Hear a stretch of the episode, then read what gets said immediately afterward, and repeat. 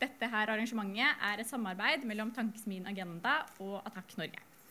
Først så skal vi høre en liten innledning, og så skal vi ha en debatt fra bare opposisjonsungdomspartiene. Så det her blir utrolig spennende. Eh, vi kommer ikke til å åpne for spørsmål i denne omgang, men vi oppfordrer likevel til aktivitet i kommentarfeltene, og så kan vi ta det med oss videre til neste gang. For denne debatten tror vi nok ikke blir ferdig med det første. Vi skal gjennom ganske store temaer, og for å få litt mer bakgrunnsinfo til akkurat hva det her handler om, skal Hilde Nagell, som kommer fra Tankesmien Agenda og har skrevet denne flotte boken, eh, ta en eh, rask oppsummering på et eh, gigantisk tema. Så Hilde, vær så god. Tusen takk. Det er fristende å starte med spørsmålet om noen husker livet før smarttelefonen og internett og alle de nyttige appene vi har fått. Men hvis du er under 25 i hvert fall, så gjør det jo ikke det. Og er du eh, født etter 1998, så eh, er du yngre enn Google. Så jeg er veldig glad for denne muligheten til å diskutere med dere, den eh, unge generasjonen, hvordan vi skal håndtere det som jeg har i denne boken beskrevet som en digital revolusjon. Som egentlig har pågått i nærmere 30 år. Det er ikke noe nytt. Det har, kommet, eh, det har påvirket oss på alle måter. I hverdagen vår, på jobbene våre og eh, i samfunnet og i politikken. Men det er der det er så interessant også, syns jeg. fordi det slår meg at vi har politikk for fordeling av veldig mange verdier. Og vi har en god tradisjon også i Norge for nettopp å hente inn viktige spørsmål i politikken. Men her har vi altså ingen politikk for å utvikle, forvalte og fordele en verdi som etter hvert har blitt veldig stor, nemlig verdien av data. Data som ressurs og data som eierskap er noe jeg tror vi har tenkt for lite om, og som heller ikke politikken har utviklet nok virkemidler for. Så jeg håper at denne debatten skal kunne gå i dybden på noe av det. Så står vi her med munnbind og avstand og alt mulig. Og selvfølgelig denne covid-19 har eh, gjort noe med oss også på det digitale. Ikke minst så har det befestet makten til noen allerede veldig store og mektige selskaper. Det er Jeff Bezos som nå er verdens rikeste mann, og, og Amazon og han, disse selskapene har fortsatt å tjene store penger også under koronakrisen. Så er det noen som sier ja, men er det størrelsen det kommer an på? Å være stor er kanskje ikke et problem i seg selv, men det kan det være. Og eh, den rapporten som nå kom fra Representantenes hus, fra underkomité i eh, i, Justiskomiteen i, i Representantenes hus, konkluderer ganske entydig. Den, den er riktignok uh, utarbeidet av Demokratene, men den konkluderer ganske entydig på at her er det en utfordring for, med maktkonsentrasjon, nærmere monopolmakt. Uh, og det er et behov for å se på konkurransereglene til uh, disse selskapene. Og det er utfordringer knyttet til den innflytelsen de har på veldig mange områder etter hvert, fordi de også um, har kontroll over hele verdikjeder. Så har også Covid-19 understreket klasseskillene, opplever jeg, og at de også dreier seg om det digitale. Hjemmeundervisning, eh, tilgang til datautstyr og bredbånd, det som er eh, grunnlaget for å kunne fungere godt i en verden hvor mye skjer digitalt, er ulikt fordelt. Og samtidig så får vi personrettet høyteknologisk f.eks. medisin, som da eh, følger lommeboka i veldig stor grad. Det går til de som har råd til å betale for den. Så klasseskiller og digitale skiller eh, og digitalt utenforskap er temaer som jeg håper at dere kommer inn på i debatten. Så er det også sånn at På den positive siden så har vi sett at land der, som har velfungerende offentlige eh, systemer og også velfungerende digitale systemer, har kommet seg relativt mye lettere ut av eh, covid-situasjonen også. Der ligger Norge veldig langt framme. Vi er, eh, har eh, kommet langt både når det gjelder de digitale tjenestene våre, og hvordan befolkningen bruker det. Men jeg tenker også at det er et stort potensial der, og kanskje også en tradisjon som tilbake til samarbeidet mellom skatteetat og, og, rundt Altinn. Eh, det som du har sett som har utviklet seg rundt bankene, med at man tenker at her utvikler man felles tjenester, som er en digital tjeneste som grunnmur, som man kan gjøre veldig mye mer spennende eh, innovasjon ut av. Så det tror jeg er et stort potensial. Og skriver om det i boken også. Men så er det dette med brukerdata. Fordi Vi har allerede også blitt bevisst på at vi gir fra oss data. Og gir vi fra oss de dataene litt forretningsmodellen, er det vi gir fra oss de dataene til? Er det de store selskapene som bruker det inn i sine forretningsmodeller? Ja, det er det. Stiller vi nok eh, betingelser til det, og har vi nok eierskap til det? Og hva har vi av muligheter for å ta tilbake en slags kontroll, både som enkeltborgere og som eh, samfunn, for det? Sist, men ikke minst, så eh, tror jeg at det er viktig å se på mulighetene som ligger i å bruke data og datadeling og kunstig intelligens på en måte som er nyttig for oss som, for, som, samfunn. Det er litt for ofte snakk om å digitalisere, og litt for sjelden snakk om en visjon for hva man vil med digitaliseringen og bruk av data. Der eh, syns jeg det er inspirerende å se arbeidet til EU om dagen, og også en del tenkning rundt dette å bruke eh, datadeling rundt viktige samfunnsoppdrag. Skal man gjennomføre det grønne skiftet og få til en ny eh, Green Deal, så trenger man også samarbeide rundt datadeling, f.eks. EUs digitale program har bevilget 56, eh, Norge har bevilget 56,2 millioner kroner til EUs digitale program. Det er kjempefint, men jeg ser ingen plan for hvordan disse pengene skal brukes, eller en strategi for hvordan Norge virkelig kan nyttiggjøre seg av de mulighetene som EU legger opp til på datadeling og bruk av eh, den digitale infrastrukturen. Så med dette eh, De nordiske landene er jo vært flinke til å regulere på alle mulige andre områder, og vi har en nordisk modell som vi er stolte av. Trenger vi ikke en nordisk modell for digitalisering og deling av data? Og trenger vi ikke ny politikk for disse feltene som jeg nå har trukket opp? Eh, god debatt. Tusen hjertelig takk, Hilde. Grunnen til at vi har invitert dere som eh, ledere og representanter for ungdomspartier, er fordi eh, nå skjer det ganske mye med partiprogrammene om dagen ser ikke veldig bra ut for alle partiprogrammene.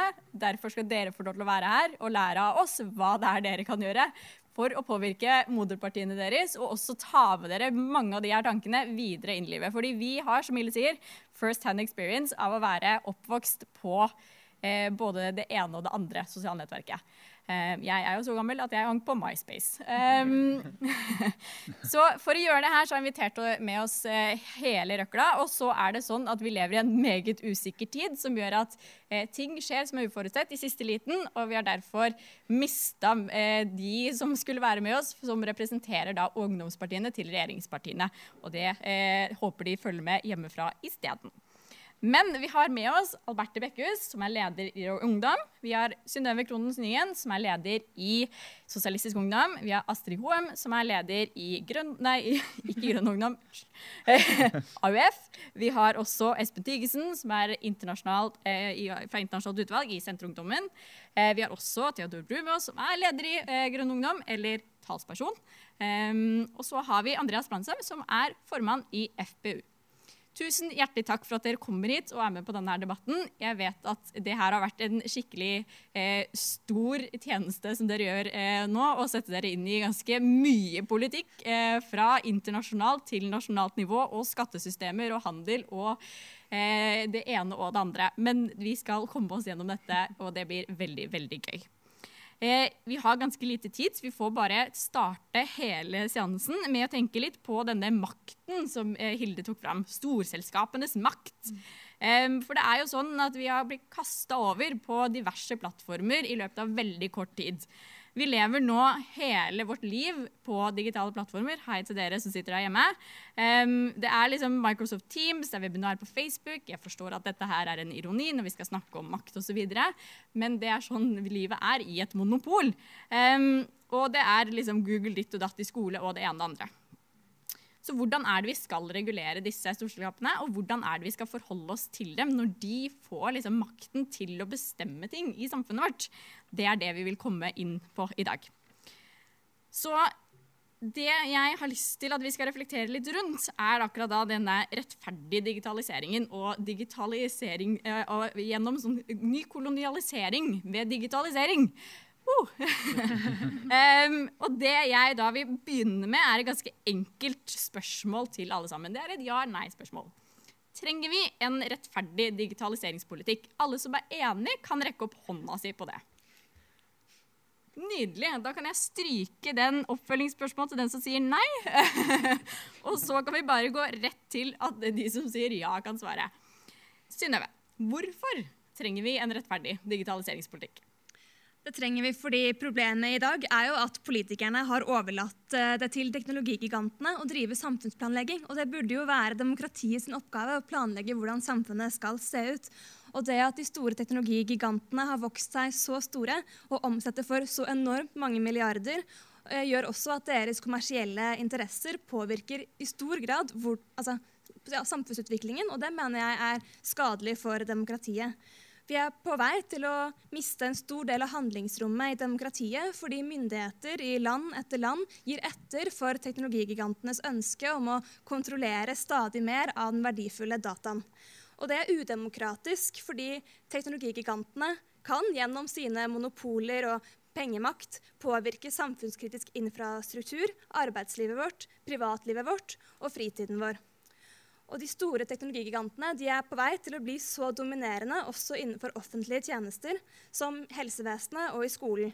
Og hvis vi som samfunn blir avhengig av teknologigigantenes eh, velvilje til å drive samfunnsutvikling, så sliter vi.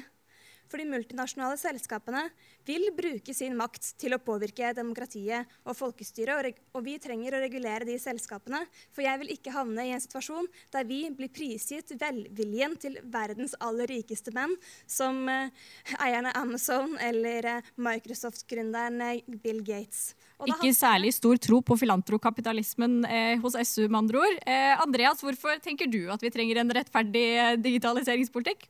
Altså, det mener jeg er en uh, selvfølge. Og det er mange sårbare diskusjoner som man er nødt til å ta. Uh, F.eks. Hensyn til personvernet osv. Men så vil jeg også si at det er helt naturlig at teknologiske selskaper er ledende i vår digitale tidsalder. må huske at Den første iPhonen kom så sent som i 2007. og Det ser man i mange andre bransjer. At dere, Når man først kommer med en sånn stor stor idé, så vil det være noen få selskaper som er dominerende helt i startfasen.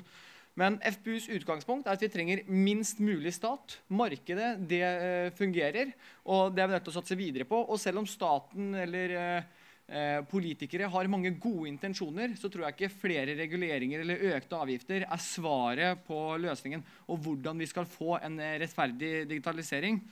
Fordi det er helt riktig at man, må, man, vil ha noen voksesmerter i startfasen. Altså Google var den første store søkemotoren som spiste opp alle de andre, Yahoo og Bing osv. I dag har de 97% monopol, ikke bare nasjonalt, men internasjonalt.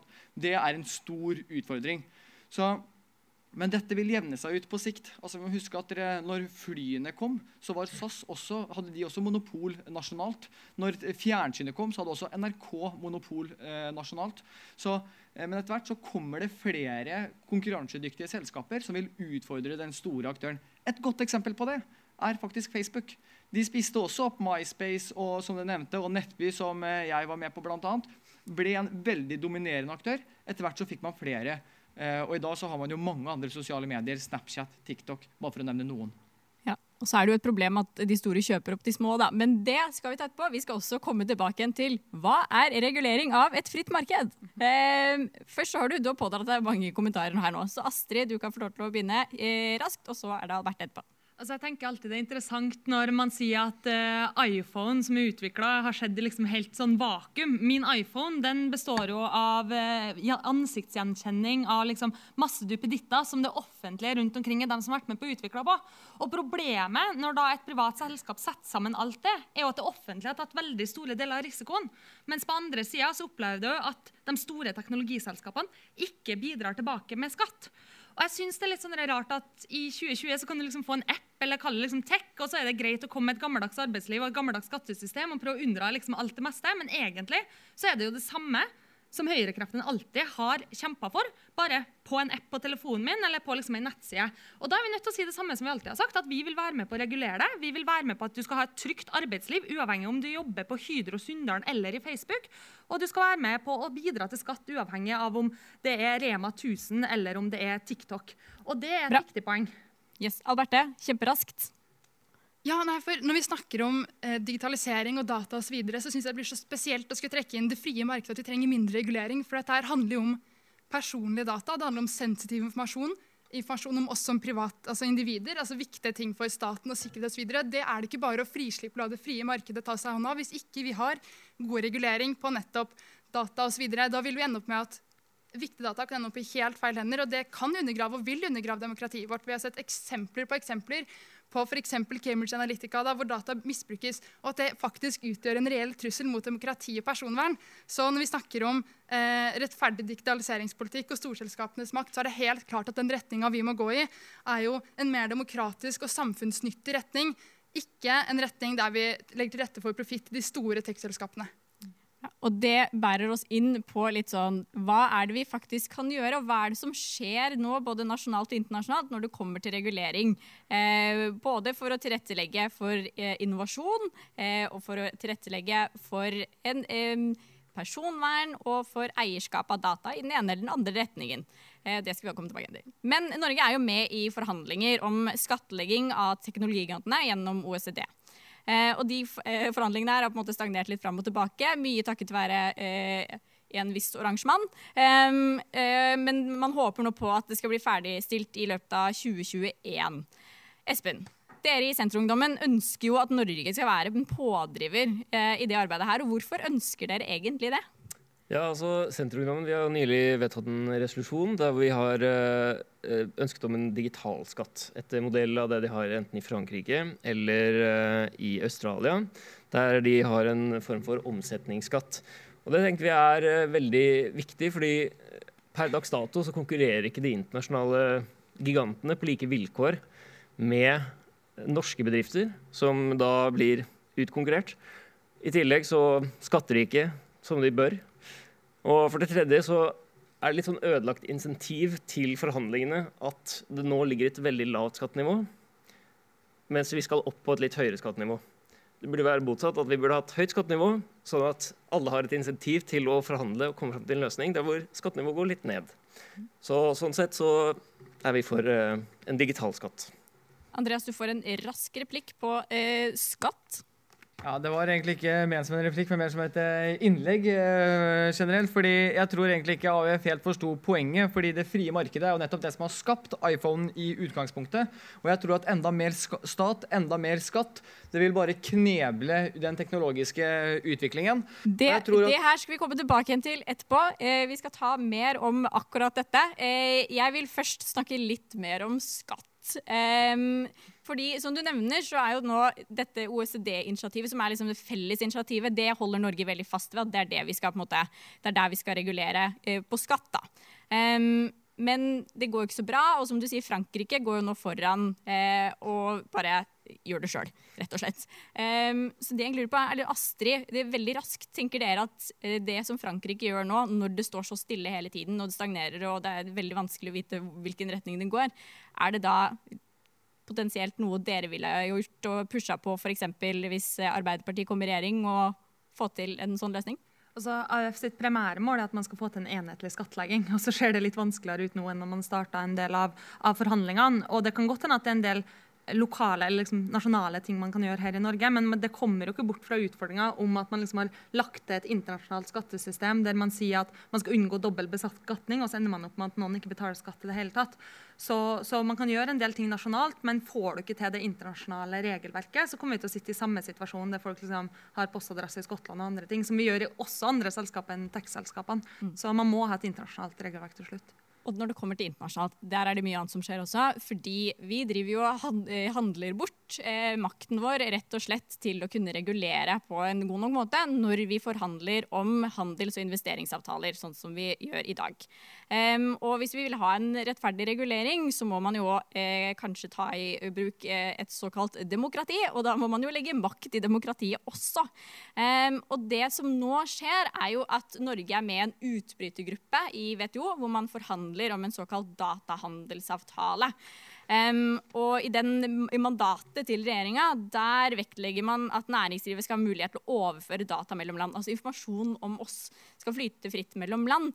Um, og det betyr jo at da gir man jo mulighet til de store selskapene å bli enda større, fordi man gir dem enda mer flyt av data. Um, og det her uh, kan noen si er problematisk, andre kan si at det er positivt. Jeg tror Alberte har noe å si om hva hun mener om det. Ja, det har jeg ganske mye å si, faktisk. Jeg skal være helt ærlig til at jeg kjente ikke til denne forhandlinga så godt når jeg satt på ned og leste om det, men jo mer jeg leste, jo mer ble jeg satt ut. Her er jo denne datahandelsavtalen som nå forhandles fram, er jo åpenbart et angrep på demokrati, på personvern osv. Jeg synes det er ganske synd egentlig at regjerings- og ungdomspartiene ikke er her, for dem skulle jeg gjerne kjefta litt på, men jeg får kjefte litt i kamera og tomrommet i stedet for. For den avtalen som nå blir forhandla fram, ikke bare er Norge med å forhandle vekk eh, vår og andre land sin mulighet til å skape egne offentlige digitale infrastrukturer. Den har også, eh, går inn for fri flyt av data over land, som du nevnte, som gir selskap enda større spillerom til å høste og privatisere dataene våre. Ikke minst kan vårt eh, viktige data handler opp i eh, land med veldig dårligere, mye dårligere personvern. Eh, den går inn for forbud mot lokaliseringskrav, som gjør det umulig for f.eks. oss Norge å si at vår data skal, skal, lagres her. Og den går inn for å forby innsyn i såkalt eh, kildekoder i programvare, som gjør at det er veldig, veldig mye vanskeligere å etterse og kontrollere den teknologien som blir innført. Så det er en dyp problematisk avtale som forhandles fram, som regjeringa likevel er eh, med på. Og de forhandler da vekk datademokrati. Men det vi egentlig trenger, er selvfølgelig mer, eh, et mer etisk, demokratisk regelverk eh, som vi må forhandle fram. Ikke det som eh, vi nå forhandler om i V2. Det er å gå i helt feil retning i digital digitaliseringa som vi står i. Theodor når eh, vi forhandler om dette Og det er, vi ikke, forhandler ikke bare om det her i WTO, det her er også noe vi legger inn i EFTA-forhandlinger og forhandlingene med Kina, som vi snart er ferdig med. Det er mange forhandlinger om dagen. Eh, så ligger det også inne litt sånn eh, noe man kaller e-handel. Vi liker å kalle det datahandel. Eh, og det handler jo om mye av det samme. Eh, men det er vanskelig å si fordi vi får ikke innsyn i avtaleteksten, og regjeringa sier jo ingenting, så hva skal vel egentlig jeg si? Eh, men det jeg lurer på er liksom, hva tenker du om at det her, er det her riktig standpunkt når vi ser at teknologigigantene eier på en måte 70% av verdens data? Da, når det er Google, Facebook, Alibaba, eh, Microsoft, Apple De på en måte eier nesten 70% av det. Er, det. er dette riktig politikk? det Theodor? Jeg tror uh, svaret du leter etter hos meg der, er nei. Ja, da kan vi gå hjem. det, det, er en, det, er en uvant situasjon for meg her i dag å stå siden hele regjeringen ikke kommer, at jeg står sånn nest ytterst til høyre i, i, flanken her. Men jeg vil bare forsikre alle som sitter hjemme i sofaen og ser på, at, uh, at uh, jeg syns Albert er inne på veldig mye bra. Og at det er jo en kjempeutfordring vi står overfor nå med å måte, få demokratisk kontroll over disse teknologigigantene. Og jeg tror eh, eh, noe av det arbeidet vi har begynt med, på en måte begynner å, å, treffe. Men at vi på en måte Det vi ser som et problem her, er at eh, denne bølgen av digitalisering har kommet så raskt. Denne bølgen av teknologigiganter som får så mye makt, har kommet så raskt at politikken har ikke liksom rukket å holde tritt. da, på en måte i helsepolitikk og i skolepolitikk og innvandringspolitikk så har vi på en måte hatt flere hundre år på å bygge opp liksom, retorikk, og partiene har bygget seg rundt det. Og det her har kommet litt sånn i fjeset på, på, på, alle. Og at det er en utfordring da, selvfølgelig for, eh, for eh, måte, konsentrasjon av makt og rikdom i verden. Og så fins det jo flere måte, måter å angripe det på. Eh, en åpenbar vei er jo å regulere teknologigigantene hardere på de måtene man kan gjøre det på. Og der tror vi i Grønn Ungdom Nå er det bare en øvelse for å måtte, eh, også skille meg litt fra resten av venstresida her. da. Jeg er en del av venstresida, mener jeg selv. Eh, at, eh, at eh, også eh, mye av løsningene også på å få til den type regulering som vi trenger, ligger i de store overnasjonale organene som vi har. Og mange av de har feilet tidligere med å finne gode løsninger. Men vi ser også at noen av de store organene, som f.eks. EU, også er en pådriver for å få til gode reguleringer. Så jeg, jeg tror dette er et eh, typisk eksempel ved siden av migrasjon og klima og sånn på overnasjonale utfordringer som trenger overnasjonale organer for å løses. Så nå er ikke vi for EU, men vi, vi mener at vi må eh, samarbeide tett med Europa i disse spørsmålene, og at det er eh, feil å, å være introvert da, i forsøket på å løse disse spørsmålene.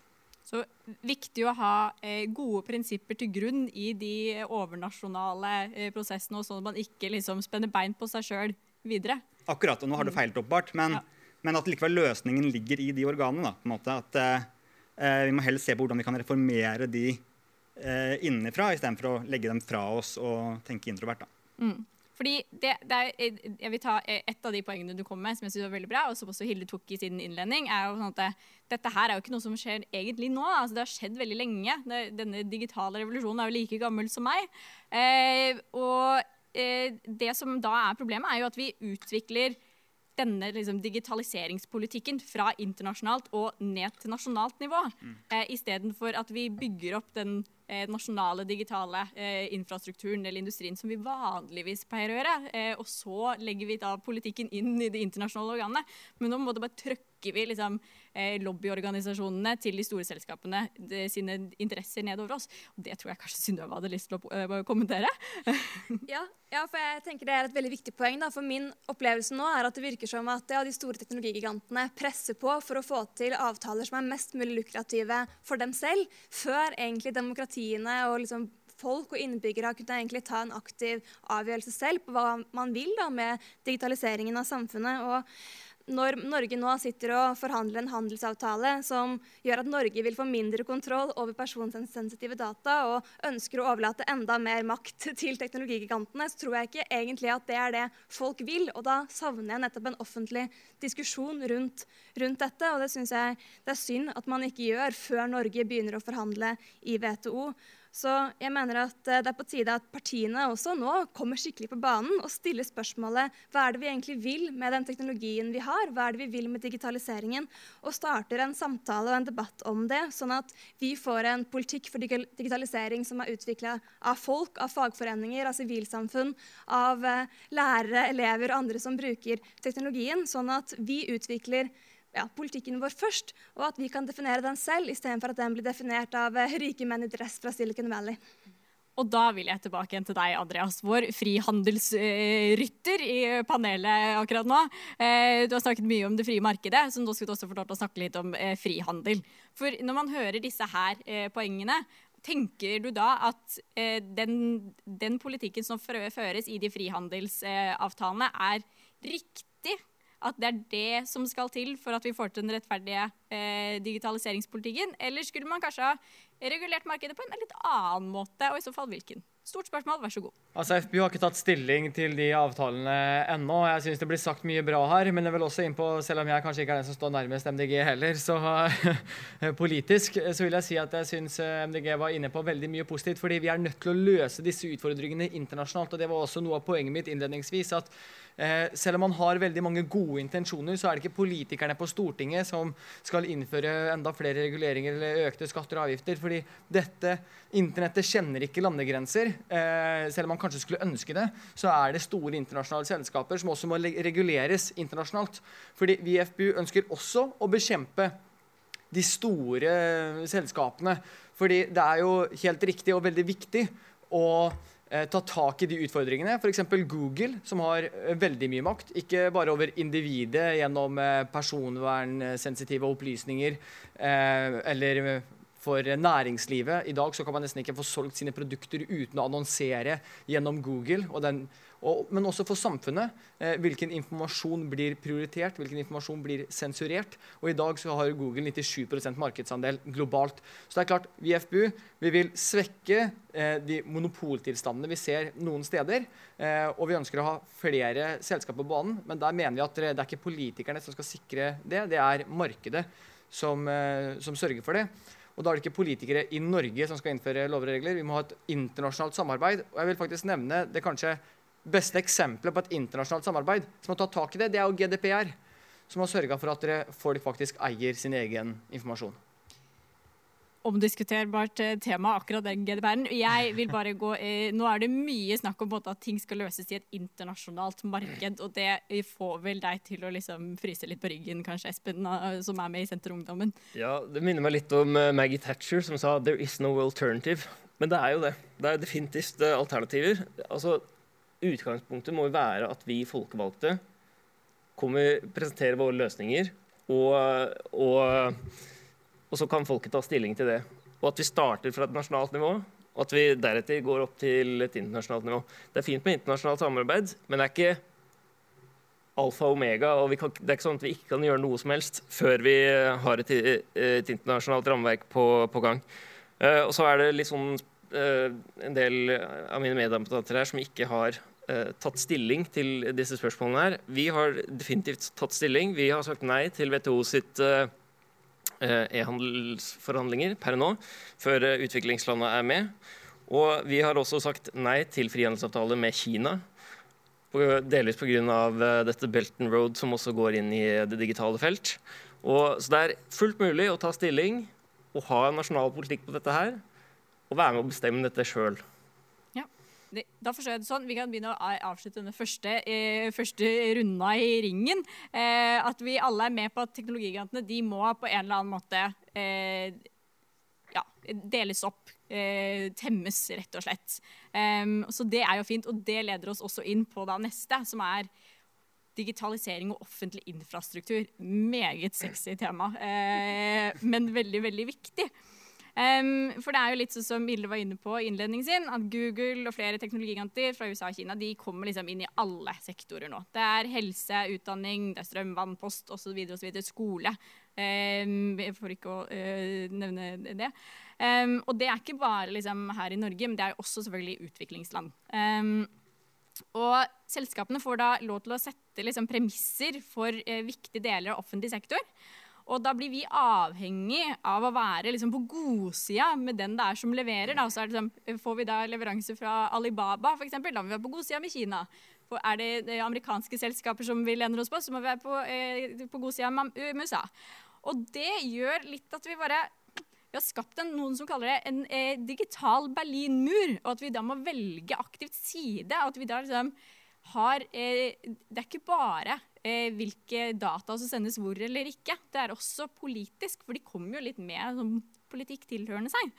Og det kan jo da være litt vanskelig hvis vi skal ha en eh, offentlig digital infrastruktur. Så mitt eh, innledende ja-nei-spørsmål til denne runden her er eh, er digital infrastruktur en kjernevirksomhet av det offentliges tjenester. Ja. Da er det opp med hånda hvis man er enig, og så er det ned med hånda hvis man ikke er enig. Nei, alle var enig i det tror også Hilde eh, rakk opp handa si her nå.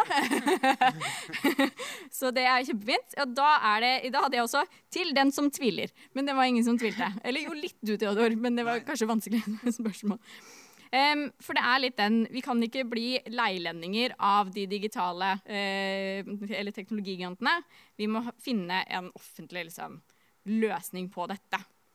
Uh, og Nasjonal sikkerhetsmyndighet de er rett og slett litt sånn uroa over at vi i Norge og norske virksomheter, både offentlige og private, sivile, militære, har gjort oss ganske avhengig av skytjenester som er drifta i utlandet.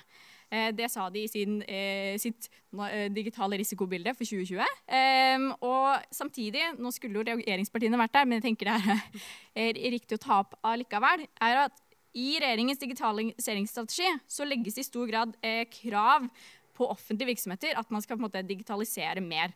Eh, og det man da ofte gjør, i, har sett på en måte, i byer osv., er at man velger jo fra hylla.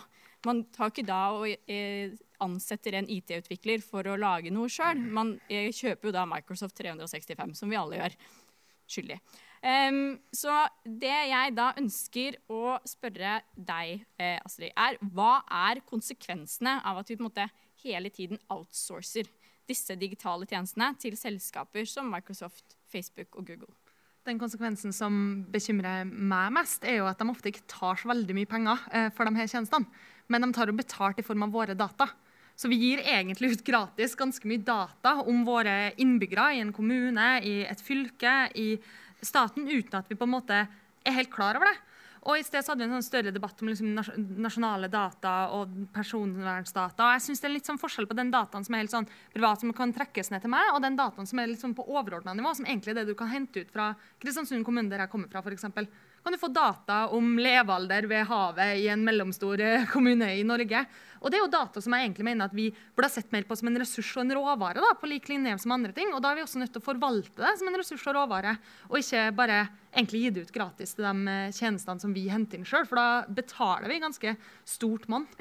Mm. Alberte. Andreas. Ja, nei, Jeg er enig veldig med det som Astrid sier. Jeg synes det er veldig godt poeng det som skjer nå, da, den utviklinga vi står oppi nå, at vi risikerer å bare bli digitale leilendinger til tech-gigantene. Men dette er også en av de områdene der vi faktisk har muligheten til å være hvert fall litt proaktive i hele digitaliseringsdiskusjonen. For vi har liksom ikke helt fått med oss hva som har skjedd i sånn 30-40 år, og nå har vi øynene oppe. Men da har vi også muligheten til å gjøre en del ting som vil sette oss i en veldig mye tryggere posisjon. Og nå er vi også inne på det som kan gjøres nasjonalt. fordi vi trenger ikke være avhengig av eh, Microsoft osv. Eh, vi kan bygge opp nasjonale skylagringstjenester. Vi kan sette i gang nasjonale eh, tiltak som det offentlige kan benytte seg av, som vil være langt sikrere både for måte, nasjonen som helhet, men også for selve dataene som blir lagra. For Micro, nei, Forsvaret de lagrer nå dataene sine hos Microsoft. Det kan ikke jeg forstå at det er trygt. Spesielt ikke når vi vet at så mye som 90% av all vestlig data er lagra i USA, som har helt andre syn på personvern og data osv. Så, videre, så løsninga framover, det jeg må peke på eh, å gjøre, er jo Igjen opprette statlige skylagringstjenester. Det, det, skal vi innom etterpå. Så du skal komme med alle løsningene mot slutten. Okay, fortsatt, det var den ene løsninga. En, av mange. En av mange. det finnes mange løsninger eh, på veldig komplekse problemer. Takk Gud for det. Um, jeg har lyst til å høre litt uh, fra deg også, Andreas. Du uh, vil gjerne ha et uh, lite ord med i spillet her, så jeg. Ja, Det jeg er veldig opptatt av, er at det er kommuner og offentlige institusjoner som skal bestemme selv hvordan de skal organisere sine tjenester, og hvem som skal eh, stå for utviklingen av dem. Fordi det er faktisk en kjensgjerning at det er ikke alt staten skal drive med, og det er heller ikke alt staten skal være best på. Og staten kan ikke være best på alt. Så det offentlige er nødt til å søke kunnskap og kompetanse der de har behov for det, der de ser det som hensiktsmessig. Og da syns jeg egentlig at det er liksom en svakhet uh, av mange politikere som mener at ja, vi kan fikse alt bedre selv bare fordi det er noe uh, galt med én ting. Altså, er, jeg mener det er politikere som har få verktøy i verktøykassa, som alltid peker på staten og mener at staten skal skal eh, fikse alt i samfunnet. Det mener jeg er en dårlig løsning. Men så vil jeg bare også si det grunnen til at jeg rakk opp handa. Jeg mener at eh, digitale tjenester er en kjernevirksomhet for de offentlige tjenestene, bl.a. Altinn. Altså, Tenk så eh, mye enklere Altinn er med tanke på skattemeldingen for alle skattebetalere i landet. Veldig god tjeneste som det offentlige faktisk står for. Så jeg mener at eh, vi må stole mer på at selskapene faktisk følger de lover og regler som er vedtatt. Hvis ikke de blir fulgt, så skal det selvfølgelig slås hardt ned på. Og så er det faktisk forbrukerne selv, de som bruker de tjenestene, som godtar vilkårene og betingelsene som de faktisk har eh, signert på. Synnøve? Ja, jeg bare er ikke helt enig, for jeg syns ikke det er så lett da, å si at å, det er brukerne som eh, godtar liksom, betingelsene. Nei, de multinasjonale selskapene setter jo de betingelsene, og du har egentlig ikke så stor mulighet til å si nei, det her godtar jeg ikke. Så jeg mener at det er en nasjonal oppgave å sørge for at alle kommuner, alle skoler, alle sykehjem, alle sykehus har kompetanse også til på personvern og på eh, datasikkerhet. Og der er vi ikke i det hele tatt. Så jeg mener at Stortinget og regjeringen må ta ansvar for å skape flere studieplasser, bl.a. for å sikre den kompetansen rundt omkring i hele Norge. Sånn at man ikke er prisgitt de multinasjonale selskapene, at de har et eller annet system for det. Og jeg synes det er ganske trist egentlig at liksom Skole-Norge, når de skal få nye læringsplattformer fra Visma, så må vi ty til et selskap som er eid av eh, skatteparadiser og oppkjøpsfond. Altså sånn, hvorfor må det være sånn? Hvorfor har vi fått det sånn? Jeg mener det er på høy tid at det offentlige selv bør liksom begynne å ruste seg til å utvikle mye av dette selv. Og da kan man nettopp gjøre det sånn at elever får påvirke veldig mye mer, lærerne får påvirke mye mer, og man får bedre tjenester. For det er jo poenget her. Bedre tjenester som ivaretar personvern, og som ikke liksom, putter opp masse penger i skatteparadiser. Det tenker jeg er god politikk for de aller fleste. Andreas, du vil ha en eh, kjapp svarreplikk på det? Ja, jeg vil faktisk eh, påstå at det er mange som eh, stoler minst like mye på selskapene som på staten. Altså, Vi ser mange tilfeller rundt omkring i verden, det er kanskje ikke tilfellet for Norge, riktig nok, men man ser mange tilfeller rundt omkring i verden at staten ikke er til å stole på eh, overfor eh, sine innbyggere. Så jeg tror eh, hvis man følger, sørger for at dere man har gode retningslinjer, lover og regler for selskapene, så vil det være i selskapenes interesse å følge dem. Fordi Hvis de ikke følger dem, så vil det føre til store konsekvenser. og det har vi også sett. Noen selskaper har blitt avslørt i å misbruke eh, persondata. Det har fått store konsekvenser og milliardbøter eh, for dem. Og så vil jeg bare si, det er ingen som tvinger noen til å være på Facebook. Eh, det er helt valgfritt. Men hvis man er der, så godtar man også de retningslinjene som Facebook og vilkårene som Facebook eh, setter. Og dette blir en spennende debatt. Nå har du på deg det er mange er bortover her. Men eh, Theodor, du skal få lov til å eh, gå inn først. Takk. Mye, mye, å kommentere på her. Og det, det, det, er litt rart å på en måte hentyde at eh, vi skal godta at store selskaper som Facebook og Google får makt over norske kommuner og norske, norske virksomheter Eh, fordi at det fins andre land som kanskje er enda mer udemokratiske enn de store selskapene. Det var litt sånn jeg forstå deg nå, rister du på hodet. Men, men jeg, jeg mener i hvert fall at når vi lar enten liksom bevisst eller ubevisst store multinasjonale selskaper som ikke har demokratisk legitimitet i det hele tatt, og som er basert i USA, få makt over eh, norsk forvaltning, norske kommuner, da har eh, norske staten, eller sånn, vi som stat har abdisert. Og at, eh, og at det blir feil å legge det ansvaret på enkeltpersoner eller på enkeltkommuner, at de liksom skal stå opp mot disse selskapene som er mektigere enn et gjennomsnittlig europeisk land. Dette her må vi eh, løse statlig, og som jeg var inne på tidligere, enda heller da, måte, så internasjonalt man får det til. da. Men all den tid eh, vi ikke har så veldig sterke internasjonale organer som på en måte er eh, som, kan, som, kan, koordinere seg på den måten, så, så, er staten det beste vi har. Og vi må ha en aktiv statlig politikk for å få disse dataene tilbake, denne makten tilbake, så langt det lar seg gjøre. Og jeg tror Litt av løsningen her er selvfølgelig å måtte bruke de statlige virkemidlene vi har, i å splitte opp der vi kan, nasjonalisere det vi kan. Men det er vanskelig, og det er sånn et territorium og terreng som er veldig uvant for oss. Så jeg tror ikke vi skal hoppe inn i løsningene om at vi skal nasjonalisere alt med en gang heller. For vi kan prøve litt. Det er ikke sikkert vi får det til. Men at eh, vi må ved siden av det akseptere litt at disse store multinasjonale selskapene har kommet for å bli. De kommer til å være her i overskuelig framtid fremover. Og vi må finne ut hva vi kan gjøre for å regulere dem der vi kan. Da. Og spesielt på dette med å hente data tilbake. Eh, og betrakte det som en, som en, eh, som en ressurs da, som skal eies av, av folk. Nå er du, eh, nå er du god. Eh, Astrid? Jeg tenker jo at Det fine hvis du ikke stoler på at staten i hvert fall i Norge og skandinaviske land håndterer et eller annet feil, er at du kan stemme dem ut, og så kan du stemme på noen andre. Sånn som Jeg stoler ikke helt på at Erna Solberg tar ansvar for min framtid. Stemmer på Jonas Gahr Støre og Arbeiderpartiet. Men jeg kan ikke stemme ut Facebook, jeg kan ikke stemme ut Google, jeg kan ikke stemme ut noen av de store jo. teknologiselskapene på samme måte. Og vi er jo helt avhengig av å ha kommuner som også både for det første er klar over at ved å ta imot de tjenestene ganske billig, gir ut store eh, datamengder tilbake til dem. Men også kommuner som har råd til til å se på alternativene. For Jeg tenker bare, jeg sitter i kommunestyret i Kristiansund, og det er ikke sånn vi har råd til å se på veldig mange andre alternativ. fordi det koster jo penger hvis du skal gå vekk fra dem som bruker eh, de aller største. Og så er jeg litt opptatt av at vi i den debatten snakker om det som liksom, ene som er personvern, som er sånn at noen kan finne ut akkurat hva jeg er, og hva jeg liker på Facebook, og hva jeg chatter med folk om. Men å dele data med hverandre, det mener jeg at vi skal begynne å se på som en større nasjonal ressurs. Og spesielt sånn som i korona nå. Vi er jo helt avhengig av å dele data. Data om liksom, hvor er det smitten foregår i Oslo. Det lærer man av rundt omkring i belgiske byer. Altså, altså, vi er avhengig av å dele data, men vi må være klar over at vi gjør det, og begynne å se på det som en nasjonal ressurs, også ute i norske kommuner. Espen, og så er det Alberte. Ja, altså, For Senterungdommens del så handler dette her om rikets sikkerhet og nasjonal beredskap. Altså, vi så under koronakrisen hvor dårlig forberedt Norge var på en, eh, en stor krise. og Tenk hvor ille det hadde vært dersom alvor data hadde blitt slått av i tillegg.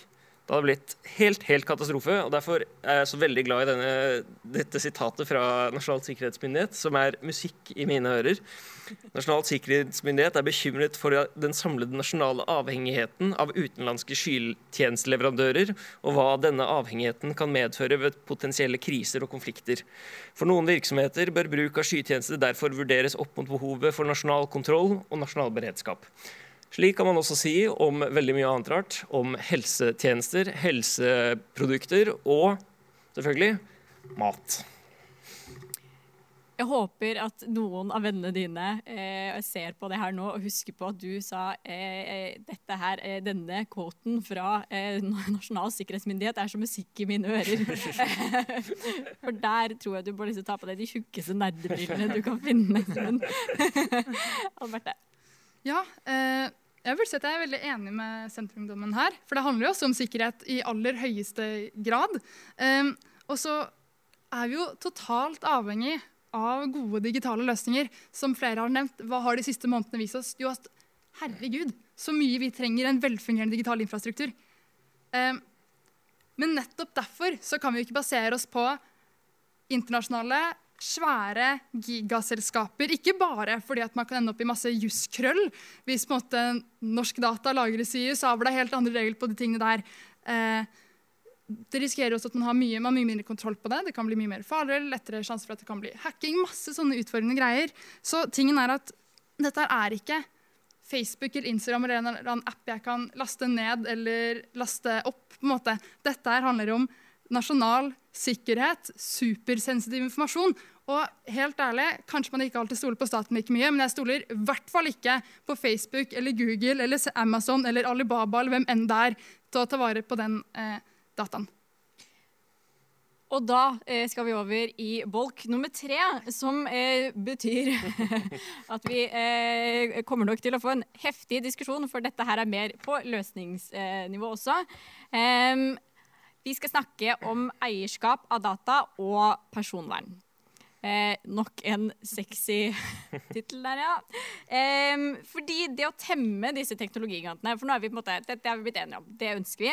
Eh, det er eh, å på en måte skape digital industripolitikk. Og mange mener jo, som det har blitt nevnt her, at eierskap av data må forvaltes som en felles ressurs i samfunnet, fordi det også kommer av oss som et fellesskap. Eh, og da burde det også komme fellesskapet til gode igjen. Og da kan man diskutere hvorvidt det gjør det dersom eh, store teknologiselskaper eh, utvikler flere tjenester, eller om det gjør det bedre om det utvikles på offentlig måte. Um, så her kan man jo si da, for eksempel, noen av de tingene som vi kommer til å komme inn på, er Eh, åpne kildekoder, deling av immateriell kunnskap og teknologi. Og vi kommer til å komme inn på eh, skylagringstjenester og det ene og det andre. Det er ikke eh, så veldig eh, hverdagskost for de fleste av oss. Eh, jeg har slitt veldig med å skjønne mye av det her. Men eh, for å ta åpen kildekode, da. for eksempel. Dette her er det ikke alle som forstår, heller ikke næringsministeren vår.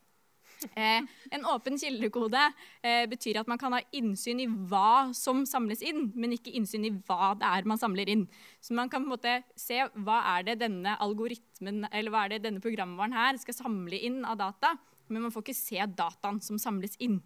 Eh, men sånn kan vi på en måte f.eks. Eh, som du var inne på, se litt sånn OK, her samles det inn eh, veldig personsensitiv data. Det brukes til dette formålet, f.eks. For så det er viktig for personvernet vårt å vite hva, slags, hva er det disse kildekodene faktisk samler inn. Hva er det eh, man bruker av data, og til hvilke formål. Um, så mange sånne her ting som vi må holde tunga litt rett i munnen når vi snakker om løsninger, og så prøver vi å forklare det så godt vi bare kan til hverandre og alle andre som følger med. Fordi eh, Jeg vil starte med et ja-nei-spørsmål en gang til. Fordi jeg syns det er veldig fint at vi er så enige. Eh, mitt spørsmål da er bør vi ha demokratisk kontroll over våre data. Da løfter man hånda i været hvis man er enig eller ikke. Alle er enige om at vi skal ha demokratisk kontroll over data. Eh, kjempefint. Eh, hvis ikke så hadde jeg blitt litt redd. Og eh, da er det jo sånn at veldig mange av oss har eh, politikk på nettopp personvern. Eh, og alle ønsker jo å ivareta personvernet. Eh, men som du var bitte litt inne på, Astrid, eh, så vil jeg veldig gjerne ta det her litt, det personvernstankegangen litt lenger. Eh, fordi om vi ser på personvern i en bredere kontekst av at personvern, liksom, det er personvern ikke bare for meg som individ, men personvern for samfunnet. Hva er det liksom hva er det dagens politikk legger opp til på det området egentlig? Og hvordan liksom Hva er egentlig problemet der? For Da kan du bare starte med det, før vi begynner med offentlig eierskap og eh, personvern. Kan du si litt om det? Jeg bare mener at man ikke legger til rette for at det egentlig er en ressurs. da.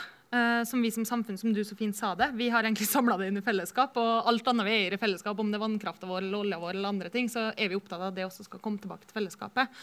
Og det med personvern og data altså Jeg er jo veldig interessert egentlig at vi godt kan både dele gratis data med andre land og forskningsinstitusjoner. Hvis det handler om data som går på liksom, ja, hvor du blir smitta av korona, når skjer det, hvilke overflater, eh, hvilke eh, kreftforskning, andre ting. Og så er det jo den dataen som hele tida Facebook og andre henter ut. Bare det at en kommune har Facebook at work liksom, på sykehjemmet, gjør at de henter ut ganske mye data. Eh, og der tror jeg Hvis vi klarer å se på det som en nasjonal ressurs og i fellesskap blir enige om hvordan vi skal forvalte her, når vi mener vi at det er greit å gi ut, når mener vi at det er greit å selge, hvis vi mener det, uh, og at det må være den debatten handler om, og så skal personvernet være litt annet. fordi det handler jo om mine personlige data som du kan finne ut konkret om meg, men på et mer overordna nivå så sitter staten på ganske mye tall. Mm. For det er jo litt det det her handler om.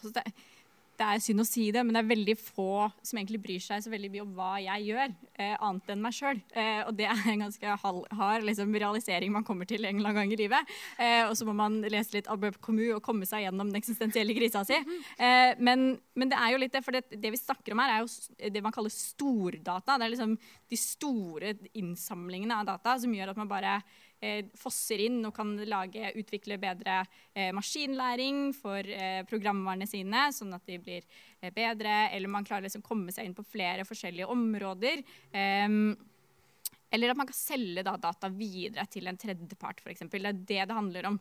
Um, og NRK hadde jo uh, tidligere i sommer en, uh, en avsløring av hvordan, uh, hvor enkelt det var å pakke ut denne stordataen og se liksom, hvordan er det vi som aktører eh, beveger oss i samfunnet. Og det er jo personsensitivt. Eh, og det er jo forferdelig kjipt at det skal være sånn. Eh, men det er jo ikke alltid det er egentlig det det handler om. Det det egentlig handler om, og det vi snakker om her, er jo sånn Skal vi la Google få lov til å eh, bestemme hvordan helsevesenet vårt skal se ut? Eh, og det er der jeg vil at vi skal holde debatten nå. Ikke sånn på meg-nivå, eh, men på oss-nivå. Det er derfor denne debatten heter 'Digitalisering samfunnet oss'. Og det jeg da lurer på, og det spørsmålet er til deg, Andreas. Nå har du stått og trippa en evighet fordi du aldri fikk lov til å komme til ordet i stad. Hvilke data er det vi tenker at storselskapene skal ha lov til å hente inn, eies eller videre? Eh, og hvordan går det på en måte overens med det store personvernet? da?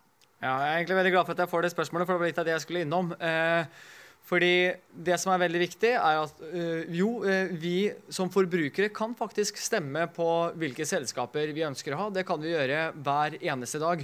Og da kan vi også stemme på de selskapene som øh, samler den informasjonen vi mener at de har rett til å samle inn, og de vi på en måte syns det er greit at de samler inn, og stemme vekk de selskapene som ikke på en måte har de vilkårene og retningslinjene som vi ikke liker.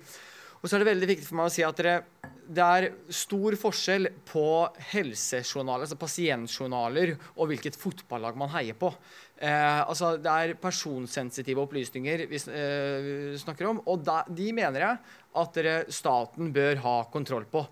Men eh, andre opplysninger så mener jeg egentlig at dere, forbrukerne selv skal ha myndighet til å ta den avgjørelsen. Og de skal kunne velge hvilket selskap de ønsker å benytte seg av. Da vil man kanskje oppleve at det er eh, flere selskaper med flere ulike vilkår og retningslinjer. Og så støtter man på en måte det selskapet man eh, har de beste vilkårene og retningslinjene. Da. Og det vil man etter hvert få når man har flere alternative sosiale medier. Og Det mener jeg egentlig er det viktigste for oss som politikere å sørge for. At man ikke har monopoltilstander, men at brukerne har valgfrihet mellom eh, flere eh, selskaper eller sosiale medier og søkemotorer osv. Så, videre. så når det kommer til, eh, ja, til spørsmålet ditt, altså, hvilket, altså hvilke opplysninger, så skal kanskje ikke jeg sitte og si absolutt alle hvem som er, hva som er greit og ikke. Det må være opp til forbrukeren selv. Men sånn, diagnose og cybersikkerhet og sånne ting, det mener jeg at staten må ha ansvar for. Jeg har eh, et spørsmål, ja-nei-spørsmål til før vi bare fortsetter. fordi Jeg syns du er inne på noe ganske spennende eh, som, eh, som, gjør ganske mye for denne debatten. Det er liksom den Er vi, eh, når vi bruker eh, Eller når vi er på en plattform, en digital plattform, er vi en forbruker, eller er det på en måte vi som er eh, varen? så de som mener at vi er forbruker, kan rekke opp en hånd. De som, ja, litt ish. de som mener at vi er en vare, kan rekke opp en hånd. Litt, begge deler. Man er både forbruker og en vare. Da er det spennende å snakke om forbrukermakt. um, og da er det, tror jeg kanskje Synnøve vil uh, touche på noen av de tingene du sa, Andreas. Ja, fordi Det jeg synes er liksom rart, er at dette her handler jo ikke bare om hva man gjør på sosiale medier. Det handler om hva man gjør på jobben sin og på den skolen man går på. Og det er noe vi må ta inn over oss. at Dette her handler ikke om Facebook eller Instagram bare. Det handler også om hva slags eh, selskaper som står for offentlig infrastruktur, som du er nødt til å bruke hvis du er elev i videregående skole. Kan ikke du si nei, jeg vil ikke være med på den digitale læringsplattformen. Det som Visma driver, det, det har du ikke makt til. da.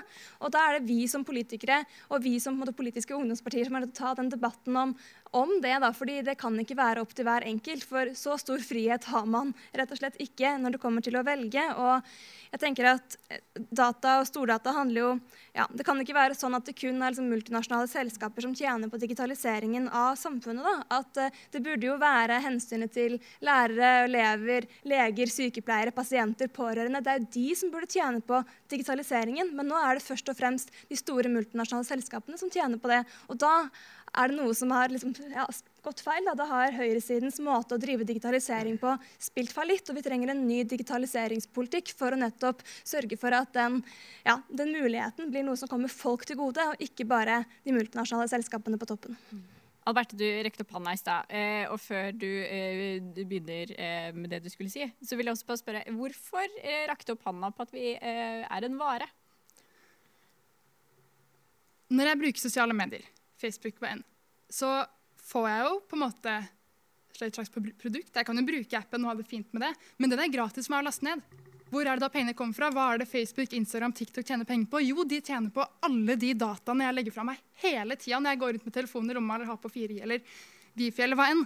Det de tjener penger på, er jo nettopp de dataene jeg gir fra meg, som de kan selge, lagre, analysere, jobbe med algoritmene sine på. Og det er derfor vi i større grad er på en måte varer enn kun forbrukere. Eller i alle fall så genererer vi de varene som gjør at denne bransjen kan gå, kan gå rundt. Så hvis sosiale medier er gratis, da er det du som er varen, rett og slett. Det er en grei huskeregel. Kan jeg svare? Ja. jeg kasta den litt på deg, så du skal få lov til å si ja, det. det var, jeg, var, jeg, var, forberedt på den, så jeg ja, mm. Nei da. Men jeg slutter meg til veldig mye av det som Synnøve var inne på. For det, det blir for enkelt da, å si at det her er et sånn privat, personlig valg som vi bare kan gjøre eller ikke Bare velge og sånn Å nei, nå deltar vi ikke i digitaliseringa, nå legger vi ikke fra oss fotspor, eller nå gjør vi det. Og så, Vi snakket jo om den der, eh, datahandelsavtalen tidligere i dag. Eh, og hvordan det kan ramme personvern. Og Der ser man jo igjen da, at dagens personvernsregler er totalt utilstrekkelige. For vi har regler i dag som verner om personlige data, men ikke noe som verner om stordata, selv om det var stordata som ble brukt igjen i Cambridge Analytica-skandalen. Eh, så helt generelt så må vi ha jeg tror vi må tenke helt nytt. Det er å gå inn for langt strengere regelreguleringer reguleringer rundt datalagring, salg av data osv. Jeg tror det er litt jeg tror Vi er litt dumme rett og slett, da, hvis vi bare stoler på at disse storselskapene har sykt gode intensjoner hele tida. Fordi at det her er kommersielle selskaper. Målet er profitt, og da vil profitt gå på bekostning av på måte, det som er best for fellesskapet, hvis det er det som må til for å gå over med eh, profitt. Og så er det jo ikke et reelt valg om man skal delta i digitaliseringa eller ikke. Sånn som Snø var inne på, Også på et individplan, men det er ikke egentlig det vi skal diskutere nå. da. Så ble det snakka om stordata, og at eh, FPU var inne på at det er dumt med monopolisering. Men nå er det jo et monopolmarked. Nå er det jo monopolisering. Hvordan er den beste måten å få gjort noe med det på? Jo, for eksempel, da, da kan vi gjøre det vanskeligere å samle inn eh, stordata, for det er det vi tjener penger på. Hvis vi gjør det vanskeligere, gjør det vanskeligere å høste og selge dataen vår, da vil det også bli mindre monopolisering. Men det har jeg inntrykk av at FPU ikke støtter. For. Nå gikk, det, nå gikk, du rett på Andreas. Da mener jeg at Andreas skal bare skal få svare på det raskt før vi går over til Theodor, som også står og tripper litt nå. Ja, altså Jeg vil eh, starte med å si at man er en forbruker på sosiale medier og digitale tjenester primært. Men man er også sekundært en vare, og det er noe man har godtatt selv å være gjennom å godkjenne de vilkårene og betingelsene som det selskapet ligger. For er ikke, man er ikke påtvunget å være på de sosiale mediene. Det er helt frivillig. Så man er en forbruker. Og så sier SV også at dere, man er først, altså, at den teknologiske utviklingen først og fremst har tjent milliardærene. Uh, og jeg er helt enig i at de har tjent på den utviklingen, men det er også de som har uh, skapt den i stor grad. Men jeg mener også at den har tjent alle andre. Altså kommunisering mellom oss mennesker og hverdagen generelt har jo blitt mye, mye enklere. Og jeg mener jo at under denne debatten så kan man jo få inntrykk av at FPU er den eneste som er for frihandel og fritt marked. Det mener jeg i så fall er en veldig sånn skremmende utvikling. Og da mener jeg også at man bevisst misforstår hva vi faktisk diskuterer. Theodor, vil du òg eh, raskt svare litt på eh, dette frihandelsspørsmålet til eh, Andreas? Er eh, Andreas noen eneste som mener at frihandel er eh, Nå pusher jeg deg skikkelig på, på MDG sin politikk. Hva tenker dere om frihandel, egentlig? Nei, Vi har et kritisk blikk på, på, på frihandel. Eller, vi har ikke så veldig enøyd syn på det. På vi, vi anerkjenner at handel er viktig for fred og forsoning i verden, men at uh, det må tilpasses i den økologiske og samfunnsmessige virkeligheten vi har, da, for å sørge for at det kommer flertallet til gode. Byråkratisk. Godt svar. God der. Men jeg, jeg, vil, jeg, vil, si til han til eh, Det var siste 2013 vi hadde programmet. Eh, jeg vil si til Andreas at det å påstå at det er frivillig å bruke Facebook som sosial, eh, sosialt medium, eller det å påstå at det er frivillig å bruke Google som søkemotor, f.eks., det er litt som å påstå at det er frivillig å bli født inn i et diktatur. hvis du blir født inn der. Det er, grunn, jo, det er helt grunnleggende infrastruktur. Og man kan være en eller annen fyr som stikker ut i en hule og bo der. Jeg har mange av de i partiet mitt. Men det er ikke så veldig vanlig, og vi kan ikke kreve det av folk. Dette er grunnleggende infrastruktur, og vi må tilpasse politikken så etter det. da. Og jeg, og jeg tror at eh, og jeg synes at Hege var inne på noe veldig viktig i starten av denne bolken. på at eh, Å anmode oss om å, å, snakke om personvern på sånn måte eh, som en samfunns problem, og ikke som et problem for at folk er redd for at folk skal finne ut hva man har sagt på sosiale medier. eller noe sånt. Eh, og kanskje litt av det problemet ligger i begrepet personvern. For det har ligget der lenge, også lenge før ting ble digitalisert. Det handler om liksom, en personlig rett til å ikke bli sett av myndighetene. først og fremst. Eh, kanskje vi heller skal snakke om samfunnsvern. For det jeg er opptatt av her, er eh, hvordan den dataen som en ressurs som kan brukes til negative ting og positive ting, hvem som har kontroll over den? Er det de store selskapene som bruker dette til å tjene penger, eller er det demokratisk valgte myndigheter som bruker det til det beste for befolkningen? Da håper jeg på det siste og mener at vi må eh, ha en politikk som fører det mest mulig i den retningen. Men det er vanskelig, for nå ligger allerede makten hos den andre leiren. Eh, eh, Espen, du rakk opp hånda i stad. Og så vil jeg veldig gjerne bare sånn eh, at du skal reflektere bitte litt over det ordet samfunnsvern. Hvor har vi kommet i verden om vi må begynne å verne om samfunnet? Eh, det er jo et kjempestort spørsmål. Men bare prøv å tenke litt på den. Alle kan egentlig tygge litt på den mens vi eh, snakker litt nå. Du hadde noe annet du også ville si, så du kan begynne med det, og så kan du avslutte litt med den refleksjonen. Ja, ja men altså Jeg vil bare ta fram det mange her har sagt. Eh, om det, at, om det er frivillig om du skal være på Facebook eller ei. For det, Facebook og Google og alle de andre store selskapene de eh, er innunder et økonomisk konsept som heter nettverkseffekter. Dvs. Si at jo flere som bidrar, jo bedre blir det. det samme, du trenger egentlig ikke å ha kroner å øre å betale med. Du kan betale med poteter hvis du vil, men det er veldig tungvint. Det er litt det samme med Facebook. Du kan bruke noe annet, men det er ingen andre som bruker det, så da er det ikke noe vits.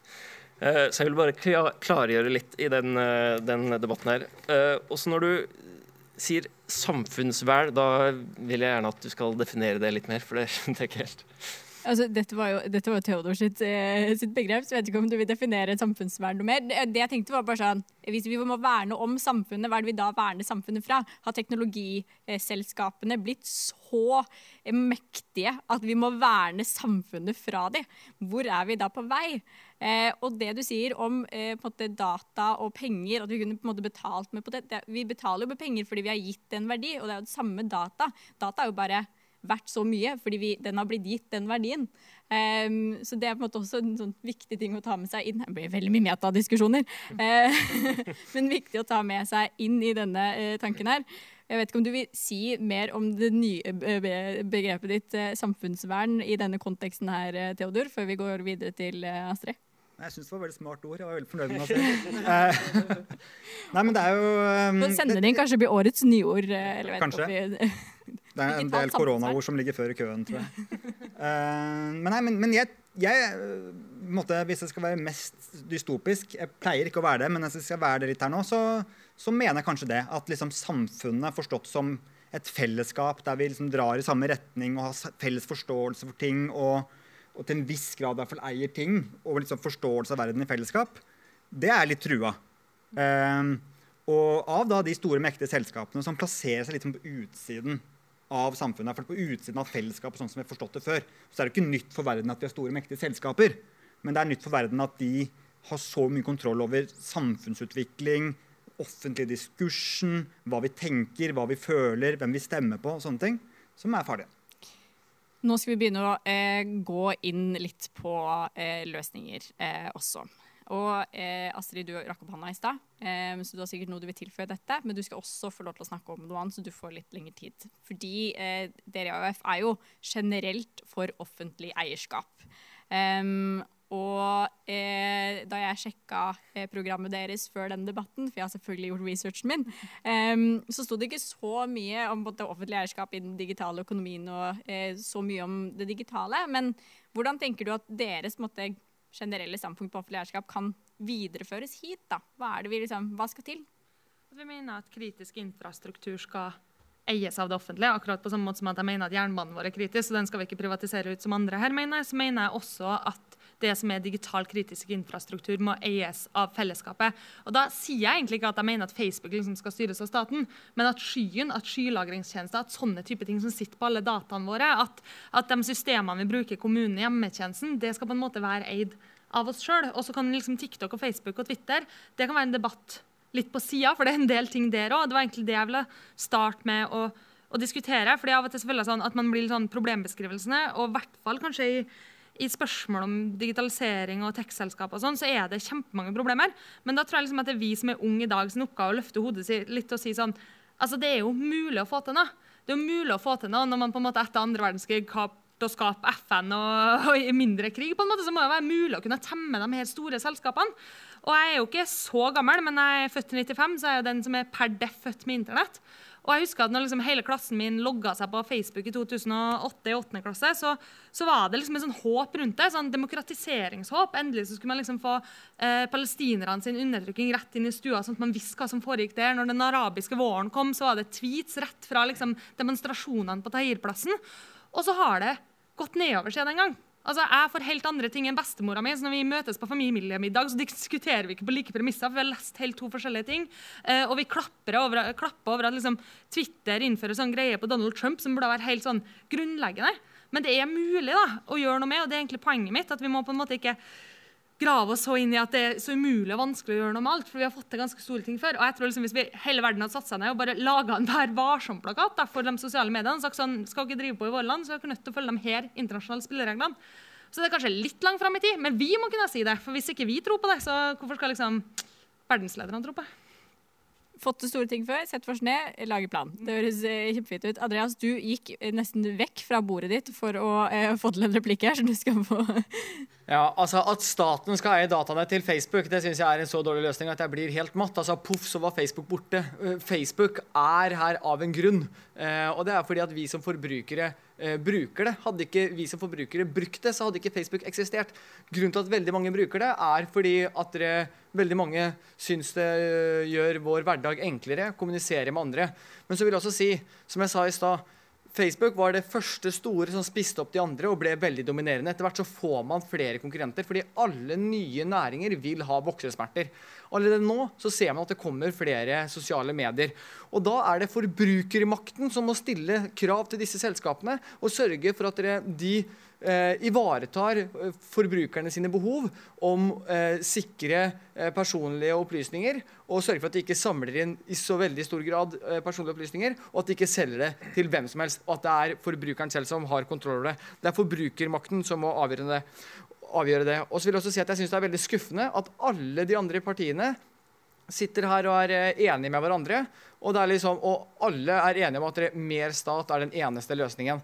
Men så vil jeg bare si sykehusene i Norge lekker også informasjon. Altså, ganske nylig så lekket Helse Sør-Øst over altså, titusenvis av eh, pasientjournaler. Så det er ikke sånn at bare staten tar over, så vil alle problemene forsvinne. Det er ikke sikkert at dere, de som har mest peiling på cybersikkerhet og datasikkerhet, sitter på rådhuset. Så jeg tror det faktisk er eh, bra å bruke den kunnskapen og kompetansen man har i mange gode selskaper. Vi skal komme til eh, eh såpeoperadelen, som er skandalene, eh, veldig, veldig snart. Eh, men Astrid, du skal få lov til å svare.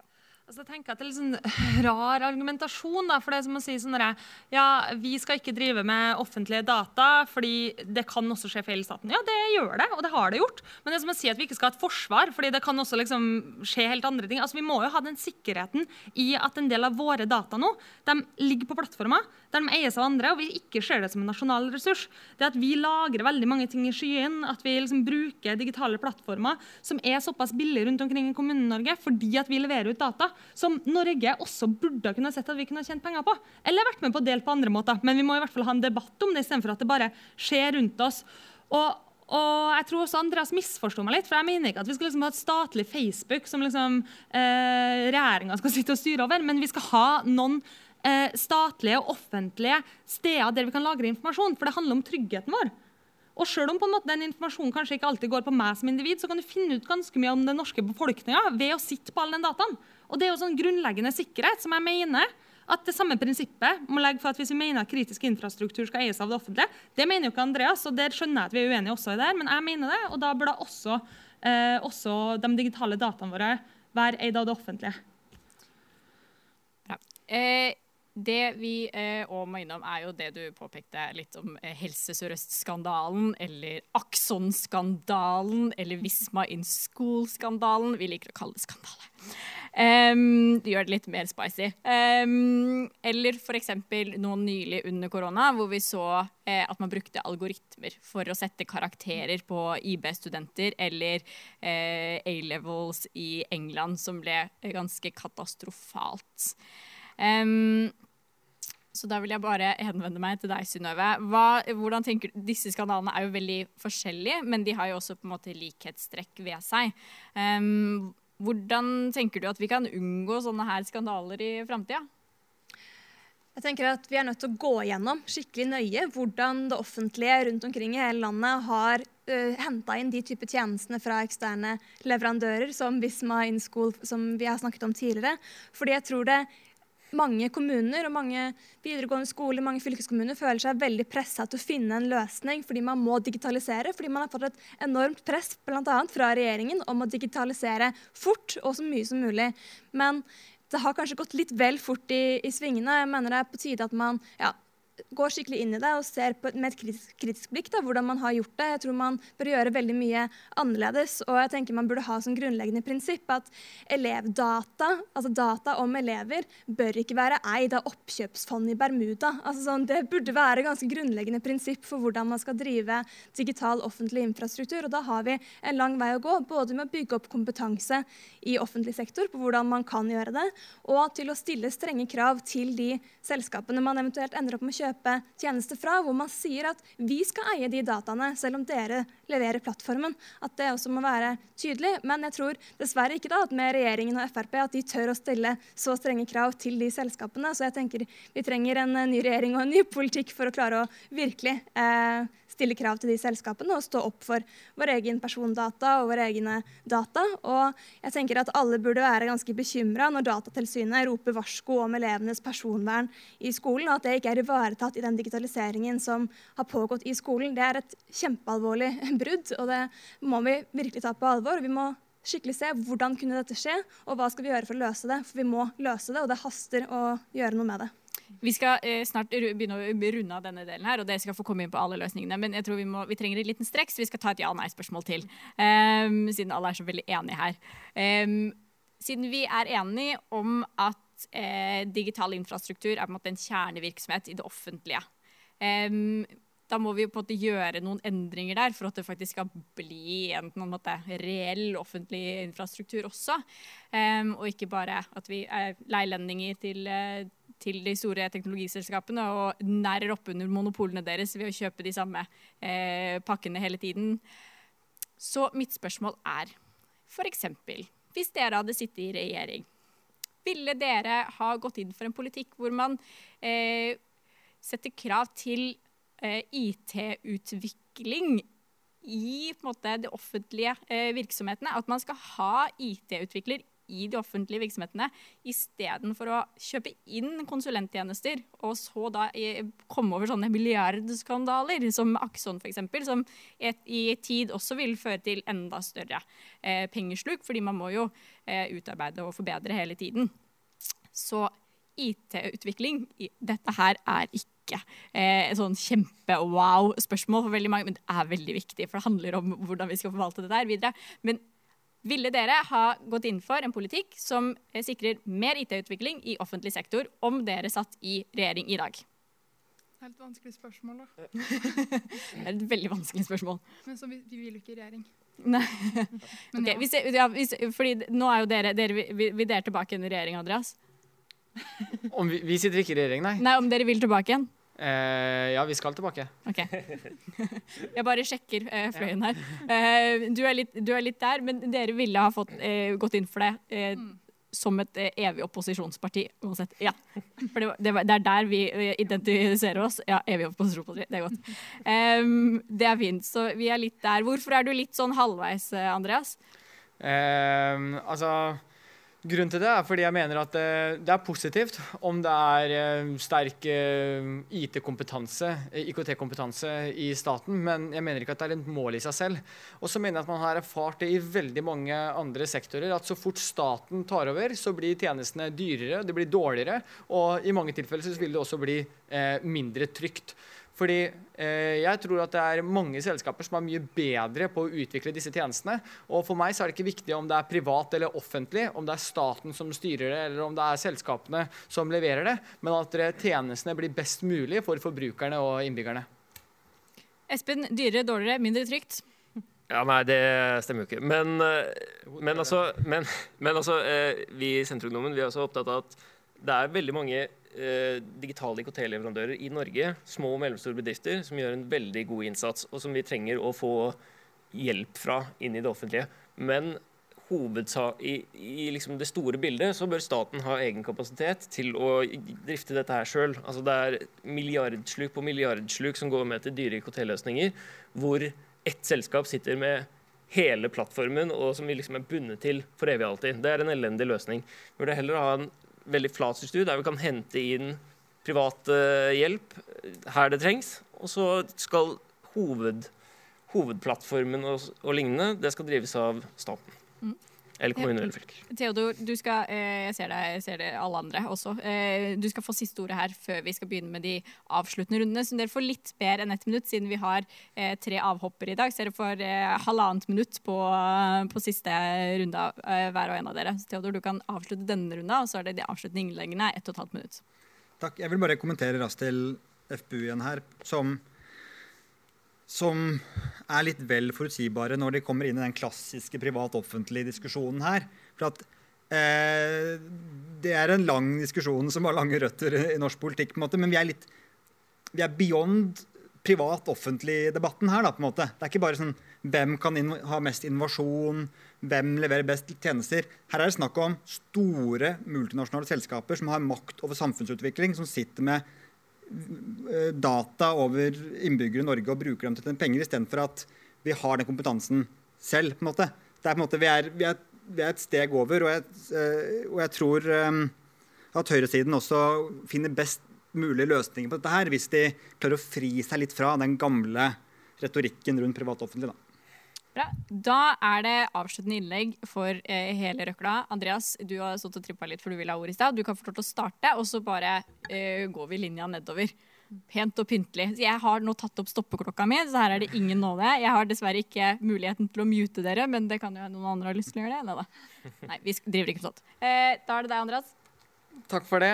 Eh, de store multinasjonale selskapene har utrolig mye makt.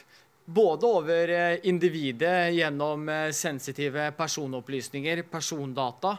Tidligere så sa man at det var eh, søppelet som var det mest avslørende om oss. I dag så er det definitivt loggen på internett. Men det har også makt over næringslivet. I dag får du nesten ikke solgt varene dine uten å annonsere gjennom Google. Du får eh, tilbakemeldingene, omtalen, antall stjerner på Google, hvorvidt eh, dine produkter kommer øverst på eh, søkemotoren, har veldig mye å si. Og da makt over samfunnet. Hvilken informasjon blir prioritert, hvilken informasjon blir sensurert. Derfor er det veldig viktig at vi har et, øh, flere alternativer, og at det er valgfrihet for forbrukerne. Og at vi har flere selskaper som konkurrerer om å gi de aller beste tjenestene. Derfor vil vi i FBU vi vil knuse monopolet, men det gjøres gjennom markedet og ikke gjennom politikerne. Fordi selv om politikerne sikkert har gode intensjoner om å svekke selskapenes makt, så vil strengere reguleringer og økte skatter og avgifter bare gjøre de store enda større og de, enda, og de sterke enda sterkere. Så vi er nødt til å sørge for at vi har et uh, fritt marked. Og jeg er egentlig glad for at jeg er det eneste partiet i panelet som uh, står opp for et uh, fritt marked. Takk.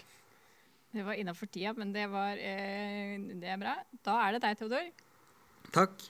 Takk for en, en, god debatt om et vanskelig og stort tema. Det er veldig vanskelig å, å føle at man kommer på inn på alle de løsningene og alle de problemstillingene man skulle ønske. Um, og det er også egentlig litt av mitt, budskap, mitt, litt av mitt uh, budskap her. At uh, vi uh, må bruke partiapparatene våre, vi må bruke de demokratiske plattformene vi har, på å utvikle mer politikk på digital politikk. At jeg tror ingen partier har nok løsninger eller har sett alle problemene eller vet helt hvordan man skal eh, håndtere det. Um, og at det kanskje også er litt av, av kjernen her. At vi eh, til veldig stor grad mangler en digital politikk som, som faktisk prøver å sette grenser. da at digital politikk i dag liksom mainstream-messig, handler om å heie frem de positive sidene ved digitalisering. Og åpenbart fins det positive sider med digitalisering. Når jeg ikke er med å lede Grønn Ungdom, så er jeg bydelsordfører i Gamle Oslo, som er en av eh, sentrumsbydelene her i, her i byen. Eh, som da har bl.a. ansvar for, for, lokale Nav. Eh, og, og, veldig mye av den positive utviklingen som skjer der, handler om at eh, man digitaliserer for å få opp effektiviteten og for å gjøre besparinger og for å gi bedre tjenester til innbyggerne. på en måte. Så eh, det er åpenbare store eh, fordeler med digitalisering. Men samtidig så ser vi at vi har en administrasjon som som sitter og har på en måte eh, mangel på løsninger i hvordan man kan stå opp for eller stå opp mot de store strukturene som, som eh, drar det bort. Da, på en måte. Så, så det er mitt eh, budskap. Vi må ha en mindre enøyd digitaliseringspolitikk og tørre å se på det også som noe som i like stor grad som andre ting i samfunnet kan påvirke oss negativt. Espen? Yes. Eh, for oss i Senterungdommen så handler dette her om eh, nasjonal kontroll, beredskap, aktivt folkestyre og aktiv næringspolitikk. Vi må ha en, et, en digital politikk for, for, de neste fire årene der vi faktisk har en del konkrete løsninger. Vi ønsker en offentlig statssky. Vi ønsker en digital skatt. Vi ønsker å si nei til WTOs e-handelsforhandlinger, sånn som de nå forestår. Vi ønsker å kunne si nei til ting vi ikke liker, og ja til ting vi liker. Um, det er det. Og det, det, mister du dersom du gir fra deg retten til å regulere egen nasjonal politikk gjennom å skrive under på dokumenter i Paris og Brussel. Og derfor mener vi at uh, vi bør styre den nasjonale utviklinga innenfor digital sektor sjøl. Jeg tror eh, Senterpartiet fikk nytt valgkampslagord. Eh, ja til ting vi liker, nei til ting vi ikke liker. Astrid, det er deg. Nå har vi jo diskutert mye personvern, data og en del veldig sånn tekniske ting som er viktig, men jeg tenker at også det overordna med hele digitaliseringa vi har opplevd i samfunnet vårt de siste årene, er viktig å snakke om. Og jeg føler av og til at Det blir sånn keiserens nye klær. da, At uh, du skal liksom, trenge helt egne løsninger hvis du kommer som et tech-selskap på skatt. Du trenger helt egne løsninger på arbeidslivet vårt hvis du gjør det gjennom en app. Men i realiteten så er det jo bare en naken gammel mann. Det er det samme gamle som høyrekreftene og store, rike selskaper alltid har vært opptatt av. Hvordan får man mindre skatt? Hvordan kan man regulere arbeidslivet mindre? Og Det er vi nødt til å si tydelig nei til. Fordi det er det samme gamle som man har fått gjenfortalt gang etter gang etter historien, hver gang det har kommet noe nytt. Og vi er nødt til å legge til rette for at det skal bli skatter. For dere bruker fellesskapets verdier. Dere bruker våre data. Dere bruker og deltar også i våre demokratier. Da skal du også bidra tilbake gjennom å skatte. Og det er et viktig poeng at på iPhone så er det aller meste utvikla av det offentlige, av militæret, av andre, ansiktsgjenkjenning, liksom bildetaking med FaceTime og andre ting, og satt sammen av noen private. Det offentlige har tatt en stor risiko, og det private henter ut mye av gevinsten uten å skatte tilbake til det offentlige. Og Det samme gjelder på arbeidslivet vårt. at det er ikke bare sånn Fordi at du kjører taxi med en app og kaller deg Uber, så skal du ikke være regalert av det samme arbeids, trygge arbeidslivet som man har her i Norge. Og det tenker jeg at det er på tide at våre politikere sier tydelig fra om. For Hvis ikke kommer det løpet til å gå uten oss, og så kommer vi til å godta premisset om at det er noe helt annet så lenge du er i en app. Og det mener jeg ikke det. Det er det samme gamle. Det er de samme greiene med at man vil ha mindre, mindre skatt og eh, større makt over folks jobb. Og det er en viktig kamp som vi må fortsette å ta. Takk. Synnøve? Internettselskapene har blitt de rikeste selskapene i verdenshistorien. Verdens rikeste mann er Jeff Bezos, som eier Amazon. Ekskona hans er verdens nest rikeste kvinne. Og begge har fått betydelig høyere formue nå under korona. Verdens nest rikeste mann er Microsoft-gründer Bill Gates. Og det er på tide at vi sier tydelig fra om at det ikke er greit at selskaper som omsetter for flere milliarder i Norge, kun skatter en bitte liten promille av den omsetningen de har. Og da må norske myndigheter slutte å la multinasjonale selskaper unndra skatt. Denne regjeringa med Siv Jensen i spissen har bare sittet og sett på at teknologigiganter som Google og Facebook putter penger inn i skatteparadiser og unndrar skatt. Og vi har ikke tid til å vente på at OECD kanskje skal gjøre noen små justeringer. Vi trenger nasjonale tiltak for å stoppe Facebook og Google, og for å stoppe at de flytter overskuddet sitt ut av landet og inn i skatteparadiser. Og Problemet i dag er at Frp og FPU og resten av høyresiden i Norge og internasjonalt er så frelst av liksom frihandel og frie markeder at de ikke skjønner hvorfor det er et politisk ansvar å ta kontrollen tilbake og flytte makta fra teknologiselskapene og tilbake til folk og tilbake til demokratiske prosesser. Jeg mener vi må få kontrollen tilbake, og det skal være folk, fagforeninger, folkevalgte, sivilsamfunn som er i førersetet for hvordan det digitale samfunnet skal se ut i fremtida, ikke verdens aller rikeste menn. Alberte, siste ordet ditt. Eller det er mitt, men du får gå først. Neste sist går fint. Ja, Internett det var jo på en måte et veldig demokratiserende tiltak når det først ble introdusert. Det var lenge før jeg ble født, så jeg husker ikke. Men det var liksom et fristed. Fakta, informasjon, alt har blitt så mye mer tilgjengelig enn det var tidligere. Eh, men med de store tech-gigantene, med datalagring eh, og selging, algoritmer osv., så, videre, så representerer deler av måte, den digitale verden og digitale økonomien i dag en trussel mot nettopp demokrati og personvern. Og hvis vi fortsetter å sitte på sidelinja og fortsetter å la dem utøve den makta og tilegne seg enda mer makt, så vil det utgjøre en reell trussel mot demokratiet og personvernet. Fordi ingen så for seg dagens utvikling. Tech-gigantene fylte opp et tomrom som var helt tomt for reguleringer. Eh, og da må vi være både etterpåklokskapet og Nei, vet dere, etterpåkloke. Ja, Vi må være etterpåkloke og proaktive. Vi trenger å sikre personvern og finne bedre skattesystemer. fordi som det har blitt nevnt, de betaler nesten ikke skatt i det hele tatt. Og vi må over på mer, et mer demokratisk spor. Mindre makt til teknologigigantene. Og mer digital suverenitet og mer folkestyre. Uh, jeg er veldig stolt over at Rødt, som så langt har hatt et ganske tynt kapittel om digital personvern, nå har et ganske mye bedre forslag til alternativt eller tynt arbeidsprogram, med igjen statlige skylagringstjenester, åpne kildekoder osv. Men det her er bare begynnelsen. Vi kan ikke lenger stå på sidelinja. Nå er vi nødt til å være proaktive og jobbe for et mer demokratisk og samfunnsnyttig internett, ikke kun profitt til de få store tech-gigantene. Tusen takk. Jeg skjønner at du og jeg, Hilde, nå har vi blitt invitert inn til de fleste for å snakke litt om eh, digitaliseringspolitikk. Den tar vi gjerne på strak arm. Sier det her, sånn at alle får det med seg, så vi kan holde dere accountable sammen.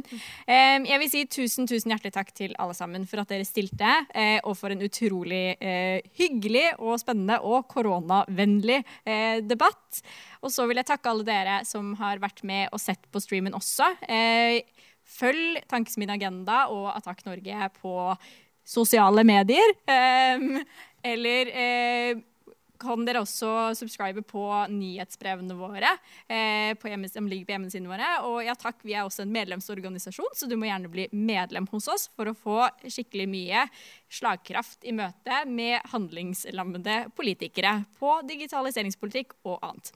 Eh, tusen, tusen hjertelig takk for oss. Vi ses snart igjen.